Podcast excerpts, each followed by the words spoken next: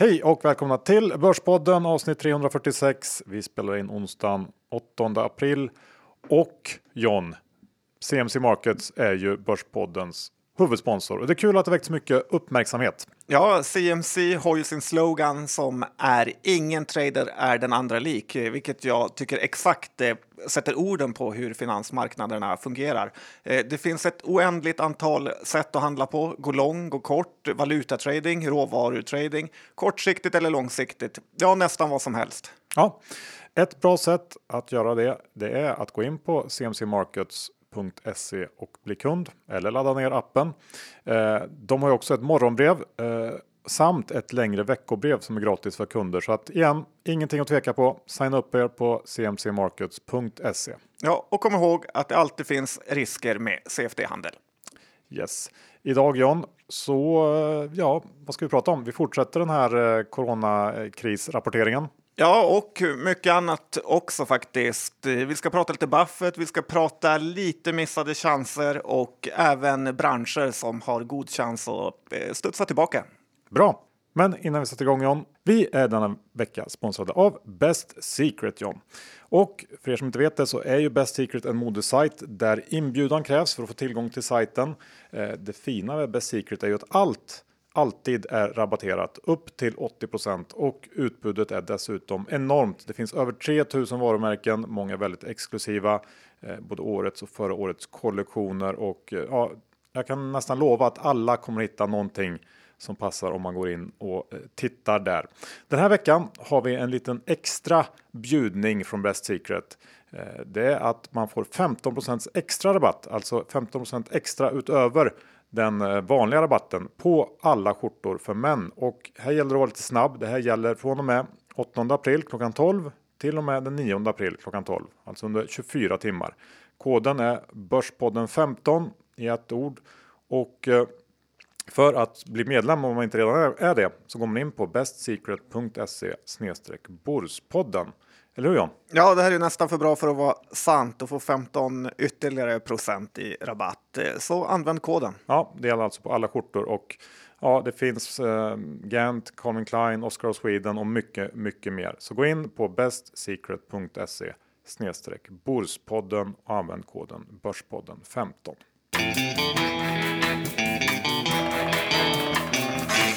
Johan Dr. Bass Isaksson index är i 1500 och eh, från att ha varit eh, helt nattsvart på börsen så är det numera ganska positivt. Ja, vi har ju fortsatt upp under den här eh, senaste veckan. Eh, det känns som att fokus ligger väl nu på hur snabbt eh, man kan börja öppna upp allting igen och eh, jag gissar att bakslag eller för den delen oväntat snabb återgång till någon slags normalitet eh, är det viktiga.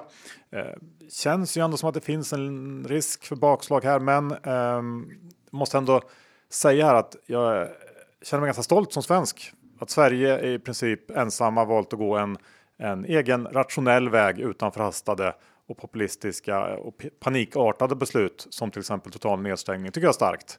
Um, sen förstår jag såklart att det funnits eller finns olika förutsättningar i olika länder och, och, på en del ställen så kanske det inte funnits några andra alternativ. Men ändå, ja. det känns bra. Ja, lite orolig är man ju för att det är Stockholm mot resten av landet. Känslan har jag fått. I övrigt håller jag med dig. Ja. Men när det gäller börsen så drar ju rapportsäsongen igång snart, någon vecka bara. Och vad ska man säga om den? Vi brukar ju sitta här och säga att eh, nu blir det spännande och det känns ovanligt lurigt. Men inför Q1 den här gången så känns det faktiskt omöjligt tycker jag att få en känsla för förväntningar och vad som är inprisat och inte eh, mer än kanske att just Q1 egentligen inte spelar någon som helst roll eh, för den eh, värld vi hade under stora delar av Q1 finns inte längre på något sätt. Outlook skulle man kunna tänka sig blir mer intressant, men vad ska företagen säga egentligen? Vad vet de om kommande månader? Ingenting gissar jag egentligen. Eh, så det mest intressanta kanske blir att se hur motståndskraftiga eh, respektive bolag är. Hur mycket man kan dra ner på kostnader, hur snabbt eh, och så vidare och hur, hur snabbt kan också rampa upp sen om det väl tar fart. Men återigen, man landar hur man än vänder och vrider på det här i den här frågan om när kommer vi tillbaks till någon typ av normalläge igen. Ja, jag är lite sådär höjer ett varningens finger för att eh, rapporterna kan bli bättre än vad man tror. Jag tycker det verkar fungera ganska så bra för många branscher att att eh, eh, helt jobba hemifrån. Så att eh, det kan, behöver, visst, det var några veckor av fullständig panik, men vi har ju sett att företag har varit ganska bra på att organisera om sig, jobba via Zoom eller Teams eller liknande. Och jag tror på något sätt så kan försäljningen ändå tuffa på. Eh, vissa branscher drabbas ju hårdare än andra såklart. Ja, det här kommer vi få återkomma till eh, närmsta tiden och även idag faktiskt. Assa kom ju med en vinstvarning igår kväll och eh, jag har precis lyssnat på konfkålet men det tar vi lite senare. För där finns det ju ändå lite ledtrådar om eh, hur verkstadsbolagen klarar sig. Cliffhanger by Johan. vi går över till eh, försäkringsbolagen. Ja, och enligt mina källor så har de här försäkringsbolagen blivit galna. Om vi säger så här, få inte en vattenskada nu, för de kommer inte vilja betala. Buffett har ju lärt oss att eh, försäkringsbolagens affärsidé är ju att eh, ja, i princip gå even Steven på vad man får in och vad man betalar ut. Men eftersom man får investera det som kallas för floaten, alltså eh, premium då som man förbetalar in men skadan kommer senare, så kan de då tjäna på den här mellanskillnaden att investera den. Och det är kul när börsen går upp 30 procent, men när den går ner 30 procent är det inte lika skoj. Så att eh, jag har hört att försäkringsbolagen då har blivit eh, galna paragrafryttare och gör verkligen sitt yttersta för att komma undan och betala eh, det det är tänkt att de ska betala. Så att kom ihåg, följ villkoren noga, för annars kommer du vara rökt när du begär ut dina pengar.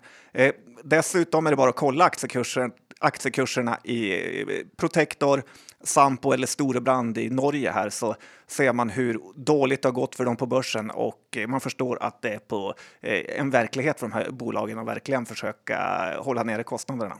Ja, låter rimligt. Du, något som jag har stört mig på allt mer här under coronakrisen är det helt ofiltrerade och icke kritiska retweetandet av information som eh, inte är verifierad på något sätt på Twitter.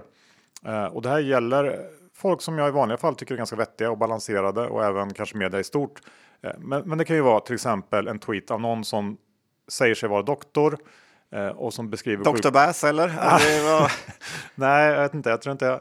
Vi har väl inte skrivit så mycket om sådana här grejer, men någon som säger sig vara doktor och beskriver sjukvården i Stockholm som i totalt kaos. Men i sådana här lägen så måste man ändå tänka ett steg längre. Du som gör den här retweeten har liksom ingen aning om vem eller vilka som står bakom ett Twitterkonto eller ett Facebookkonto och det kan ju se helt äkta ut. Eh, men det är ingen hemlighet att det finns grupper som använder den här typen av situationer för att sprida skräck och försöker destabilisera samhället. Och I veckan så dök det upp en liknande grej i USA där CBS, eh, alltså tv-kanalen, nappar på en Facebook-video där en ung tjej eh, som uppgav sig vara sjuksköterska grät över att sjukhuset tvingade henne att jobba utan skyddsutrustning. Och sen så såg jag att Bernie Sanders var snabb på att plocka upp det här och uh, ja, kritisera, kritisera hur hemskt det var att man inte fick tillräckligt med, med skydd. Uh, problemet var ju bara att det inte var sant. Det var någon så här psykiskt instabil människa som uh, helt enkelt hittade på det här. Patient som hade rymt. Nej, men så tänk på det. Jag tycker ändå att det kan vara värt att säga. Uh, för att... Uh, ja, har folk ja. inte sett Homeland eller? Det är kanske säsong 3-4 man eh, redan såg det där, så att det borde de verkligen ha lärt sig. Det är ett hål i allmänbildningen. Mm. Ja. Uh, missade chanser, det har man ju några i sitt CV. Ja, verkligen. Och eh, det är så Buffett brukar snacka om hur mycket han nu man får återvända till eh, sådana här stora hjältarna när, i kristider. Men han eh, brukar ju säga att företag måste förändra sig för att överleva. Och eh, när vi var på stämman i USA 2015 var det va? så berättar ju Buffett om hur eh, American Express var ett kupongbolag på 60-talet men som hela tiden hittat nya vägar framåt och eh, ja, därför är ett multimiljarddollarbolag nu. Och eh, ofta är det då ledningen som jag kan se lite runt hörn och eh, som man ska förlita sig på.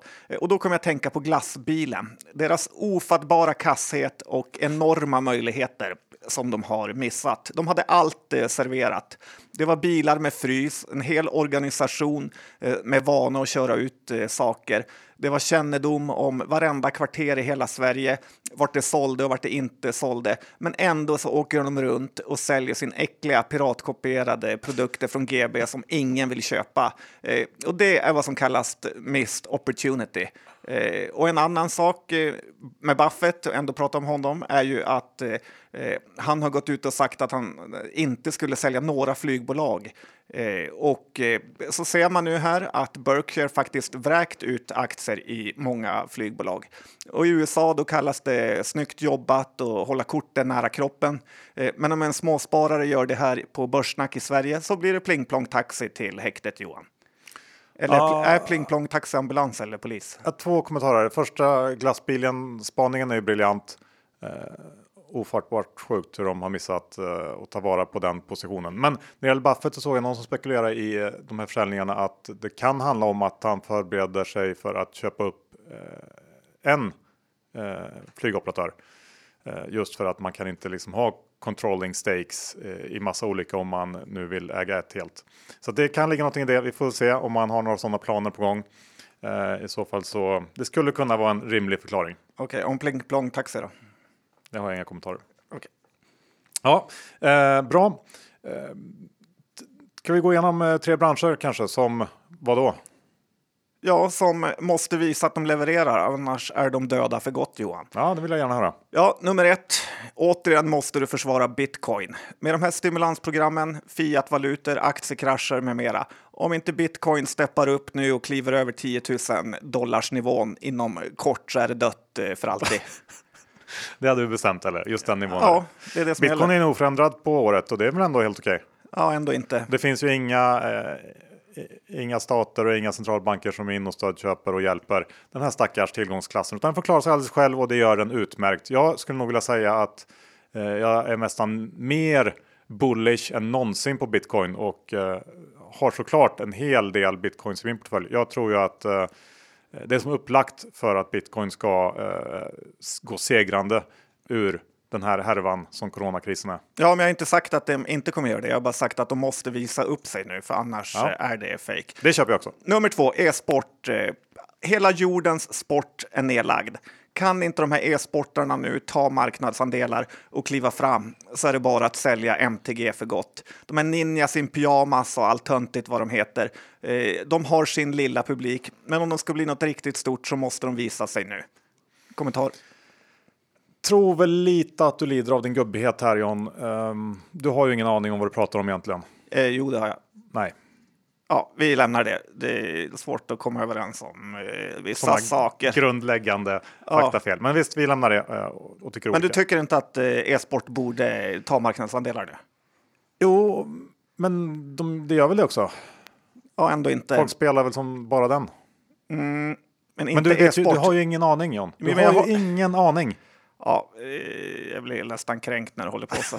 Nej, men num nummer tre då. EU har ju fungerat eh, löjligt eh, dåligt under den här krisen. Alla länder kör sina egna regler, egna stödpaket och egna krishanteringsgrupper. Det här EU börjar bli mer och mer ett obegripligt projekt och eh, har vi ingenting gemensamt med Italien, Spanien och Belgien och så vidare, varför ska vi då ens ha en sån här låtsasunion då? Så att eh, nu är det faktiskt dags för EU att också visa lite framgång om de ska behålla sin eh, plats och alla miljarder de eh, roffar åt sig. Där håller jag helt med. Eh, bra att avsluta där. Jag går över till någonting helt annat, mikronivå snarare på den här spaningen, men det är ju det här eh, jobba hemma som eh, de flesta gör nu för tiden eh, och en spaning från mina egna hoods eh, är ju att... Eh, Gettot i Fulbromma. ja, att man eh, tar ju faktiskt med sig en hel del efterfrågan från city och andra platser där det finns stora arbetsplatser till då hemmets närområde. Och min spaning här är väl att de lokala restaurangerna går på högtryck just nu. Aldrig haft så bra eh, försäljning tidigare som de har nu. Så det finns faktiskt fickor av servicenäring som inte bara klarar sig utan faktiskt blomstrar i den här krisen. Och det kan vara värt att komma ihåg. Um, ja, allt försvinner inte bara, det flyttar ju på sig. Nej, det är ju så. Det är ju ett uppdämt behov och eh, någonstans ska pengarna ta vägen. Ja. Uh, ska vi avsluta första delen med eh, gökung-mentaliteten? Ja, faktiskt. I lumpen, Johan, hade jag ett befäl som satt det värsta de visste var gökungar. Alltså när personer bara sitter och väntar på att något ska, någon ska stoppa mat i munnen på dem utan att man försöker lösa situationen eh, själv. Eh, har du gjort lumpen förresten Johan? Eh, Nej just det, du jobbar ju på dagis då. Men eh, Ah. det, det behövs ju manliga förebilder på dagis också. Det är jättestor insats eh, av dig där. nej, men jag var ju i London då istället. Ja, Ja, och på dagis. det gjorde jag. Mm. Det är väl en typ av lumpen. Ja, nej, men vi lämnar det också. Eh, säger så här att eh, eh, jag, Kom du av det lite? Ja, faktiskt. Eh, men den här mentaliteten har ju tagit över Sverige lite grann. Günther Mårder vill ha 10 000 miljarder till småföretagarna. Sjukvårdspersonalen vill ha 900 procent i lö löneökning. Lärarna är jätterädda för att själva bli sjuka och karensdagen är borttagen och direkt då försvann 30 procent av alla busschaufförer. Eh, så att, eh, och sen hade vi kungen då slutligen som tyckte mest eh, synd om sig själv för att han var gammal. Och sen det här med att folk tror att de räddar världen för att de köper en take away. Tikka masala är också rätt eh, sjukt. För det första så tjänar ju restaurangerna bara pengar på sponken om vi ska vara ärlig. Typ hälla upp en öl på 10 sekunder för 79 spänn som kostar 5 kronor och eh, maten är i princip bara för att ha ett eh, serveringstillstånd. Så att jag tycker man kan sluta lägga upp sånt här på Instagram. Eh, för dels om det är en riktig kris så borde du hålla tajtare i dina pengar än att köpa en eh, tikka masala och för andra så hjälper det inte ens. Vi är denna vecka sponsrade av Lendify, John. Ja, och det är ju fantastiskt hur man kan ha så många, många mikrolån samlade i en portfölj. Jag var inne på vårt konto Johan och vi har över tusen lån som eh, varje månad bidrar med ett förbättrat kassaflöde för oss eh, med både ränteavbetalning och eh, amortering. Så är det. Vill man testa det här, då går man in på lendify.se Borspodden. För gör man det, då får man 500 kronor extra att investera om man eh, stoppar in minst 20 000 kronor och investerar dem. Ja, det är jättebra att inte ha alla ägg i samma korg. John, vi börjar andra delen med Assa Abloy. Eh, nu när jag har det lite färskt i minnet, men de kom med en vinstvarning igår kväll. Omsättningen eh, för första kvartalet var upp 3% samtidigt som man tappar 15% på rörelseresultatsnivå jämfört med förra året. Det här verkar vara ungefär eh, lite drygt 10% sämre resultatmässigt än estimaten och aktien är ner runt 4% nu när vi spelar in här på förmiddagen. Eh, och jag lyssnade in lite på konfkålet som jag tyckte innehöll en del intressanta grejer och eh, ska vi gå igenom dem? Ja, men det vore kul. Eh, först så ehm, eh, var Assa i någon slags tillväxtläge här där man rampat upp produktion och kostnader för ökad efterfrågan när det smällde. Och jag tolkar det som att det bidrog under Q1 eh, ganska mycket till det här stora marginaltappet. Eh, Nedstängningarna kom eh, liksom utan förvarning och slog eh, till direkt. Först då i Kina som, som väl är framförallt det som har påverkat under, påverkat under Q1. Eh, och det här gör att man, min känsla är att man nog kan räkna med eh, att kostnadsanpassningsbiten kommer att se bättre ut framöver. Även om det är såklart även är så att försäljningen kommer att påverkas hårdare också. Eh, men det här tror jag ändå kan vara ett återkommande tema under kommande rapportsäsong. Att just hastigheten som den här krisen har slagit till med har nog gjort att många haft svårt att parera i början här under Q1. Men att det kan se annorlunda ut under Q2 och Q3 till exempel. Och när det gäller Kina Eh, så är, man nu eh, fully operational som de säger, inklusive underleverantörer och aktiviteten ökar sakta men säkert. Eh, det tog lite tid att komma igång här under mars, men hela supply chain i Kina är nu tillbaks till det normala. Och det man ser i Kina är väl att det kommer att ta tid för efterfrågan att komma tillbaks. För inom den del som är B2C, alltså när man är ute och möter kunden direkt, så finns det en, en hel del rädsla. Folk vill inte att låsmedlen ska komma och byta lås för man är rädd eh, för att bli smittad helt enkelt. Så det där eh, är väl också en ganska intressant aspekt att det verkar ta lite tid för folk att eh, ja, komma tillbaks till sitt vanliga mönster om man säger så. Ja, men det är också lite oroväckande hur Kina verkar kunna stärka sina positioner ganska ordentligt efter den här krisen. Ja, det, så ser det ut. Och om man tittar på de länder som har öppet, eh, typ Sverige, så går den här eh, DIY, alltså gör det själv kanalen, Do it yourself. ja, bättre än väntat. Ehm, vilket väl inte heller är så konstigt. Många fixar och grejar hemma. Men stora problemet i Sverige och andra länder som har öppet är som du var inne på lite här tidigare, mycket större sjukskrivningsnivåer än vanligt och det skapar problem i fabrikerna. Ehm, så att ehm, också en, en, eh, säkert någonting som vi kan få se eh, mer av. Eh, sen var man också inne lite grann på att kommentera om det här försäljningstappet går att ta igen. Ehm, och det är väl tveksamt. Ehm, man sa att om man stänger ner ett bygge till exempel i tre fyra veckor så eh, det är på något sätt stängt och, och kommer inte tillbaks just då. Liksom det, det, går inte att jobba tillbaks utan när det väl kommer igång igen så är det samma, samma mängd lås som skulle ha sålt. Så att det, det ehm, ja, var en hel del intressanta kommentarer. Assa i sig har jag inte så mycket åsikt om, men um, tycker man kan gå in och lyssna på det där konfkålet om man uh, är intresserad inför Q1. För det kan säkert vara återkommande teman där som vi kommer att få se mer av. Ja, jag tycker inte heller det är så viktigt om man kan ta igen missad försäljning eftersom just aktiekurserna har kollapsat så mycket så får man ändå räkna bort de här månaderna i försäljning.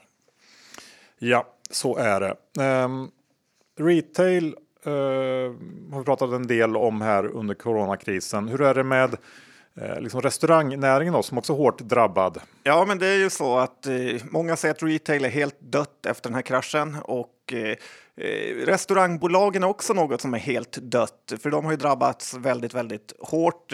Men jag tror att de har mycket större chans att eh, komma tillbaka.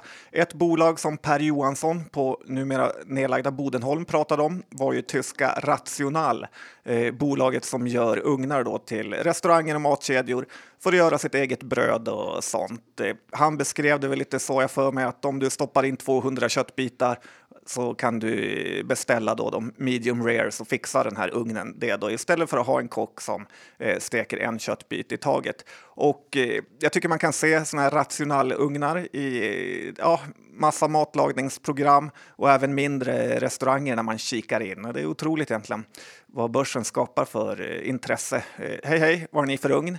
Eh, är du matlagningsintresserad? Nej, eh, bara eh, liksom pengaintresserad.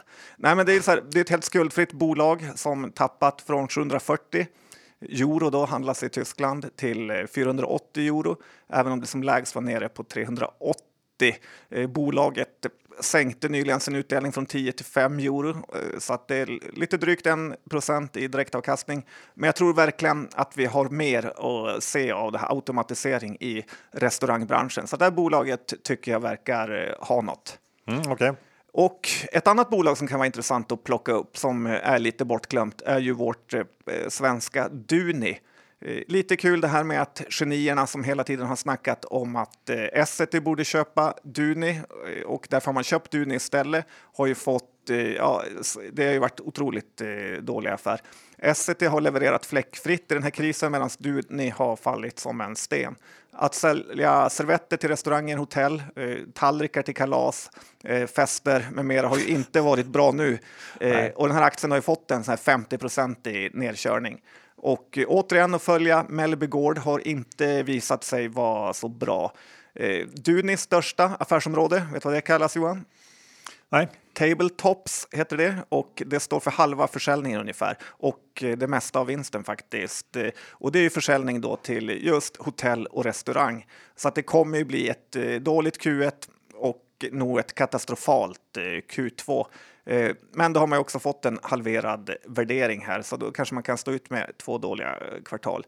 Duni har ju nettoskuld på 1,5 miljarder, ett börsvärde på 3,5, så ganska skuldsatt. Eh, om vinsten helt uteblir får man ju komma ihåg. Men det här och sen är ju hotell och restaurang i grunden ganska konjunkturkänsligt. Men samtidigt så bör det ju komma en återhämtning efter det här. ja, någon känsla? Jag är inte intresserad av det. Duni tycker jag känns för Svart. För svart, okej. Okay. Och slutligen så har vi den här nykomlingen Elux Pro som är då avknoppningen av Electrolux eh, som valde att göra en Volvo och heta samma sak som moderskeppet. Det är lite som om SCA, eller SCA knoppade av Essity så skulle Essity egentligen heta SCA Toilet Paper. Eh, lite fantas mer fantasi kan man kräva tycker jag. Eh, kortnamnet är ju E-Pro. Så här tror man ju också att man har fått en av MTGs e-sportdelar. Eh, men hur som helst, alla proffs har ju snackat om att man verkligen ska komma över E-pro. och eh, kanske också eh, har man haft lite otur här för dels så köpte de ju Elux då inför avknoppningen så kom det här brutala aktieraset. Men sen kom ju också restaurangdöden som har ju då eh, slaktat eh, Elux Pro, Electrolux Pros marknad med ja, restauranger, skolor och så vidare. Så att eh, den här aktien har inte gått Eh, bra, men den har betydligt högre riktkurser eh, av alla analytiker som i, i, princip följer det här eh, bolaget. Så ja, det var tre case inom den sektorn. Ja, kanske säger jag. Inte superintresserad av något av dem egentligen. Ehm, jag har ju mer snarare, även om det kanske är en kortsiktig effekt, att intresset för att laga mat hemma har ju ökat enormt såklart eftersom man drar sig kanske för att gå ut på restaurang och äta. Och de som då säljer den typen av utrustning eh, går riktigt, riktigt bra nu. Jag vet inte riktigt om det finns någon bra börsrelaterad spelare på det, någon, eh, någon liksom e-handelsaktör eller något sånt. Men eh, kortsiktigt så tror jag de eh, tjänar mycket på det här. Eh, och sen skulle jag också vilja lägga till här om man tror på, på restauranger och att det eh, liksom normaliseras hyfsat snabbt så eh, är jag nog inne på det här som när vi pratade om H&M förra veckan återkommer till även den här veckan. Eh, att störst blir större och blir liksom vinnare på något sätt. Eh, att gå in och köpa någon av de större kedjorna i USA tror jag inte heller behöver vara fel. McDonalds eller kanske varför inte Shake Shack eller något liknande. Eh, de kommer att eh, liksom sko sig på de här mindre restaurangen på hörnet spelarna som, som antagligen går under. Ja, så är det faktiskt. Eh, Sett att många av dem har studsat upp ordentligt med. Men vi kan bara ta en snabbis eh, om H&M också som ju kom i fredags med sin Q1. Eh, resultatet var ju betydligt bättre än väntat. Eh, lagret minskar ganska mycket och eh, marsförsäljningen kom in på minus 46 procent. Eh, H&M sa eh, också att det kommer bli en förlust i Q2. Ehm, förväntningarna inom det här som är Nordic Core, de svenska storbankerna, låg innan eh, Eh, rapporten på minus en miljard i, förlust i Q2. Eh, och här är det ju ganska enkelt att själv laborera med sina estimat vad man tror för Q2. Eh, omsättningen förra året i Q2 låg på 57,5 miljard och så vet vi att mars var för, minus 46 procent. April blir gissningsvis ännu sämre och sen då kan man ju välja om man tror att det börjar vända upp lite grann under maj och att det kommer igång lite grann. Ehm, men om man liksom gör någon slags, bara väger ihop det där och kan vi säga minus 45 procent i, i Q2 hela kvartalet. Vad tror du om det i försäljning? Ja, det låter bra. Ja. Och sen. Jag tänkte 44. och sen eh, kan man göra det enkelt och bara anta en bruttomarginal på 50 procent. Den låg på 51 under Q1. Eh, då har man en bruttovinst på 15,8 och sen så har vi rörelsekostnaderna. De låg på 25 miljarder i Q1 H&M sa här i samband med, med Q1 att man kommer att kunna minska rörelsekostnaderna med någonstans 20 till 25 procent, även om det var behäftat med ganska stor osäkerhet. Men då eh, får man någonstans intervallet 18,8 till 20 miljarder i kostnader. Eh, så det skulle innebära då ett rörelseresultat någonstans runt minus 3 till minus 4,2 miljarder. Ehm, så att eh, det, det, det är ju en ganska enkel business att liksom själv sitta och räkna på. Ehm, Matteläxa med Johan Isaksson. Jag tyckte det intressanta var att eh, näthandeln hade ändå gått eh, så bra i mars. Plus 17 procent var det va? Och eh, eh de många andra har eh, i princip gått negativt eh, under mars månad. Så att H&M har väl, ja, lite som många säger, tjänar på att vara så stora. Och att även andra butiker tvingas stänga sina näthandlar också. Ja, och sen var väl också många imponerade över att de eh, ändå ganska snabbt eh, verkar kunna få ner kostnaderna. 20-25 procent eh, lägre kostnader i Q2 är ändå eh, bra får man säga. Eh, men återigen, med den mängd butiker som H&M har så är ju det ändå nyckeln på något sätt. De kan inte stå eh, tomma hur länge som helst. Eh, så, så är det ju bara. Nej, och kom ihåg, pappa Persson äger ju de finaste fastigheterna. Så han kan nog gå med på en liten hyressänkning om han måste. Så kan det vara. Eh, aktien, jag vet inte, vad är den uppe i nu? 100, någonstans mellan 130 och 140. Jag har inte kollat idag, men eh, eh, det här superläget som vi hade för någon vecka sedan på 100-lappen är ju borta. Så får vi se om det kommer igen. Kanske, kanske inte. Ja, det är extremt hur ett sånt här stort bolag kan röra sig så mycket aktiekursmässigt. Ja. Du, ska vi gå över och snacka lite om eh, äldreboenden, vårdhem. Eh, du var ute tidigt i krisen och eh, sågade de här i Dagens Industri, va? Ja, verkligen. Har jag fått för lite cred för det, Johan? Ja, men det har jag. Jag vet att du hade tänkt att säga det. Eh, men jag sa ju att det var vår svaghet här i Sverige vad gällde corona och eh, ja, det blev det också. Det lite sådär pinsamt hur en eh, trader i en källare vid Odenplan kan säga sånt, eh, men ingenting görs. Och eh, jag såg att det här sa jag den 10 mars, alltså för nästan en månad sedan. Och eh, jag vill ändå tillägga det att jag hade faktiskt tänkt det mycket tidigare, Johan. Eh, lite Trump-citat, men det var ändå så det var. Kom till saken nu. eh, det är ju så, så här var citatet då. Det är ju gamlingarna som dör av sjukdomen. Efter att vårdpersonalen kommer in och sprider smittan på hemmet där den sedan sprids vidare. Det kommer att kosta bolagen hur mycket resurser som helst eh, för att sätta stopp för detta med masker och rymddräkter åt personalen. Och det kan ju inte lämna gamlingarna att dö. Eh, så här i efterhand eh, så kan man väl säga att vårdbolagen som är börsnoterade, men även de kommunala hemmen har gjort alldeles för lite för det här. Och jag kan nästan känna att det skulle till lite såna här åtal efter deras sloppiness för att de faktiskt har eh, dödat människor. Ja, vi har ju några börsnoterade eh, vårdhemsbolag på börsen och jag tror de har en kämpig tid framför sig. Även om de nästan är på bottennivåer fort, eh, fortfarande så håller jag mig eh, borta av enkelhetsskäl. Ja, du har väl eh, vissa poänger där så att eh, kanske kan hålla med, även om det på sina håll och kanter också ser ganska billigt ut. Men ehm, det, det, finns det ju för sig många bolag som gör just nu. Jag tänkte att jag måste återkoppla lite snabbt till Saab från förra veckan jag såg att vi fick en kommentar på Twitter eh, om det här om första AP-fonden eh, och att de har sålt och eh, var någon som påpekade att eh, första AP-fonden har ju genomfört en förändring i sin förvaltning sedan årsskiftet, vilket i kort handlar om att de valt att indexera förvaltningen. Eh, första AP-fonden har innan haft en ganska stor övervikt i Saab och när de då ska gå till index, indexvikt så innebär det att massor av Saab-aktier måste säljas. Um, jag har ingen jätteåsikt om det i sig, men när det gäller just ägandet i Saab så kan jag tycka att en försäljning av eh, så mycket aktier måste kunna göras med mer finess på något sätt. För Saab är ändå ett bolag som ligger i hela Sveriges intresse, i nationens intresse. Hela vårt försvar bygger på produkter från Saab och just därför så är det direkt olämpligt tycker jag att vräka ut aktier som man har gjort. Här eh, vill man ju verkligen eh, se till att det kommer in rätt typ av ägare eller framförallt kanske inte fel typ av ägare. Eh, självklart så borde man kunna blocka ut innehavet till typ Investor eller någon annan, annan lämplig ägare. Eh, sen såg jag också att Danske var ute med en uppdatering här i, igår tror jag. Eh, där de pekar på de här stora ESG-flödena som också är en stor förklaring till aktiens svaga utveckling. 11 av de största ägarna X-Investor med ett samlat ägande på 17% vid årsskiftet har sålt eh, 16 av sitt samlade innehav under året och eh, den här typen av flöde eh, under en svag, liksom, svag marknadsperiod kan såklart ingen suga upp.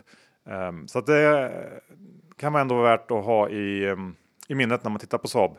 Sen så ser, märker jag också att allt fler röster höjs om det här med beredskap och att beredskapen måste förbättras.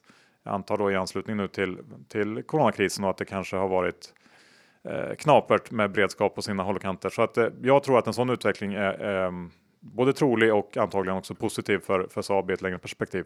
Ja, två takes. Det ena är att du börjar bli så präktig så jag knappt eh, orkar med dig. Num nummer två är att jag tror faktiskt du har rätt.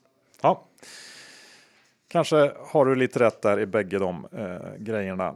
Ska vi ta, eh, vad ska vi ta egentligen? Oväntade mm, rörelser eh, i krisen? För det har det ju ändå varit en del. Ja, men det är så otroligt svårt att eh, kunna förutse vad som kommer gynnas och eh, missgynnas av sådana här saker. Eh, till exempel så har den här eh, kollapsen i oljepriset eh, eh lett till att man bunkrar olja på fartyg så att raterna där har gått i taket. Både Frontline och NAT eller North American Tanker eh, som kortnamnet är på USA-börsen, har ju eh, dubblades på bara några dagar. Eh, en annan extremt eh, hårt drabbad bransch är ju hyrbilsbranschen eh, där Hertz gick från 20 dollar till 3,5 dollar på mindre än en månad. Vi hade Avis Budget eh, som också är ett eh, bolag då, noterat i USA som den 20 februari stod i 50 dollar och den 18 mars stod den i 8 dollar. Eh, så med lite oflyt så kan man verkligen eh, torska pengar fort i aktier. Eh, en annan intressant grej är att Arlanda har ju 5 000 hyrbilar, men vet du hur många parkeringsplatser de har? Jag vet inte, 2000? Ja, 1500. Så att det blir många följdproblem av det här som såklart kostar pengar. Och då kan man tänka sig hur det är för hyrbilsbolagen i New York eller Florida som har liksom miljoners bilar. Andra saker är ju att det flygs ingenting. Så att Macmyra då som eh, har väldigt stor del av sin försäljning i taxfree blir det katastrof för och eh, nu får de göra handsprit istället såg jag i ett pressmeddelande idag. Så att eh, det var inte riktigt vad kompisgänget tänkte när de i en fjällstuga för 20 år sedan startade Macmyra. Handspritsbolaget Macmyra. Nej, du, vi avslutar med ett bolag som jag tror att vi inte har pratat om sen noteringen. Och det är det här lilla, eller ja, ja vi säger lilla eye tracking bolaget Tobii Eye. Säger man Tobii Eye? Tobii Eye, ja, ja om du vill. Ja. It's a free country, ja, i alla fall delvis. Ja. Eh, ja, men jag tänkte att det passar bra för nu handlas aktien på i princip samma nivå som den noterades på, det vill säga 25 spänn. Och eh, där har den inte varit någon gång eh, under sin noter sitt noterade liv. De har väl gjort lite nyemissioner med? Det har de väl gjort, men eh, ändå. Eh, och Tobia består av tre delar, två som tjänar eh, hyggligt med pengar och sen Tobii Tech som blöder ungefär dubbelt så mycket som de övriga två delarna tjänar tillsammans. Målsättningen inför det här året var att eh, nå lönsamhet eh, på koncernbasis, men eh, i går tror jag det var så gick man ut med en uppdatering och sa att det här kommer man med största sannolikhet inte att nå. Det var inte helt oväntat kanske. Eh, och problemet för Tobii är att man inte sitter på den bästa balansräkningen. Eh, även om man inte har någon enorm nettoskuld så blir det liksom tufft att ta in mer kapital eh, den vägen via obligationer under det här rådande klimatet. Som tur var så emitterar man obligationer för 150 miljoner precis innan coronaoron bröt ut och de hade också ungefär 200 miljoner i kassan vid årsskiftet. Men Ehm, om vi gissar att de har bränt ungefär 50 miljoner av de här i Q1 så har man 300 kvar och även om, om det inte är helt givet så är risken nog rätt stor att det blir en nyemission här. Ehm, eh, så för mig så, så eh, även om man kanske kan lockas av den här det den stora kurstappet så, så är det för risky business för min smak. Um, ja, jag inte sugen på att sitta i, i ett bolag utan riktiga huvudägare som, som tvingas till nyemission och eh, risken är att vi landar där. Slut på avsnitt 346. Vi tackar vår huvudsponsor CMC Markets. Ja, gå in på deras hemsida, anmäl dig på eh, morgonbrevet och veckobrevet och vill du börja provtrada så ta demokontot. Det är väldigt kul. Ja, cmcmarkets.se eller gå in på eh, det ställe där du brukar ladda ner appar och ladda ner CMC Markets appen. Eh, glöm heller inte Best Secret. Eh, skynda er och, och, nappa på den här dealen det som ger 15% extra rabatt på skjortor. Gäller ju bara ett dygn. Eh, ni går in på bestsecret.se Borspodden och ja letar. Ja, det börjar väl i princip nu fram till ett dygn eh, framåt. Då. Ja, klockan Så, 12 till 12. Ja, köp ingen tikka masala, köp några schyssta skjortor istället. Ja, och glöm heller inte bort Lendify. Nej, det är ju så bra att eh, ha en diversifierad portfölj. Så ja, lendify.se snedstreck vad? Bordspodden. Helt rätt. Oh. Eh, innehållsredovisning. Eh, Saab har jag i övrigt är det nog ingenting av det vi har pratat om idag. Hur är det med dig John? Jag har Saab och sen så har jag faktiskt ingenting mer heller. En okrispig mustasch? Ja, den är i och för sig inte vad tjejerna säger, men visst. ja, bra. Eh, vi tackar för oss. Hörs om veckan. Det gör vi. Hej då!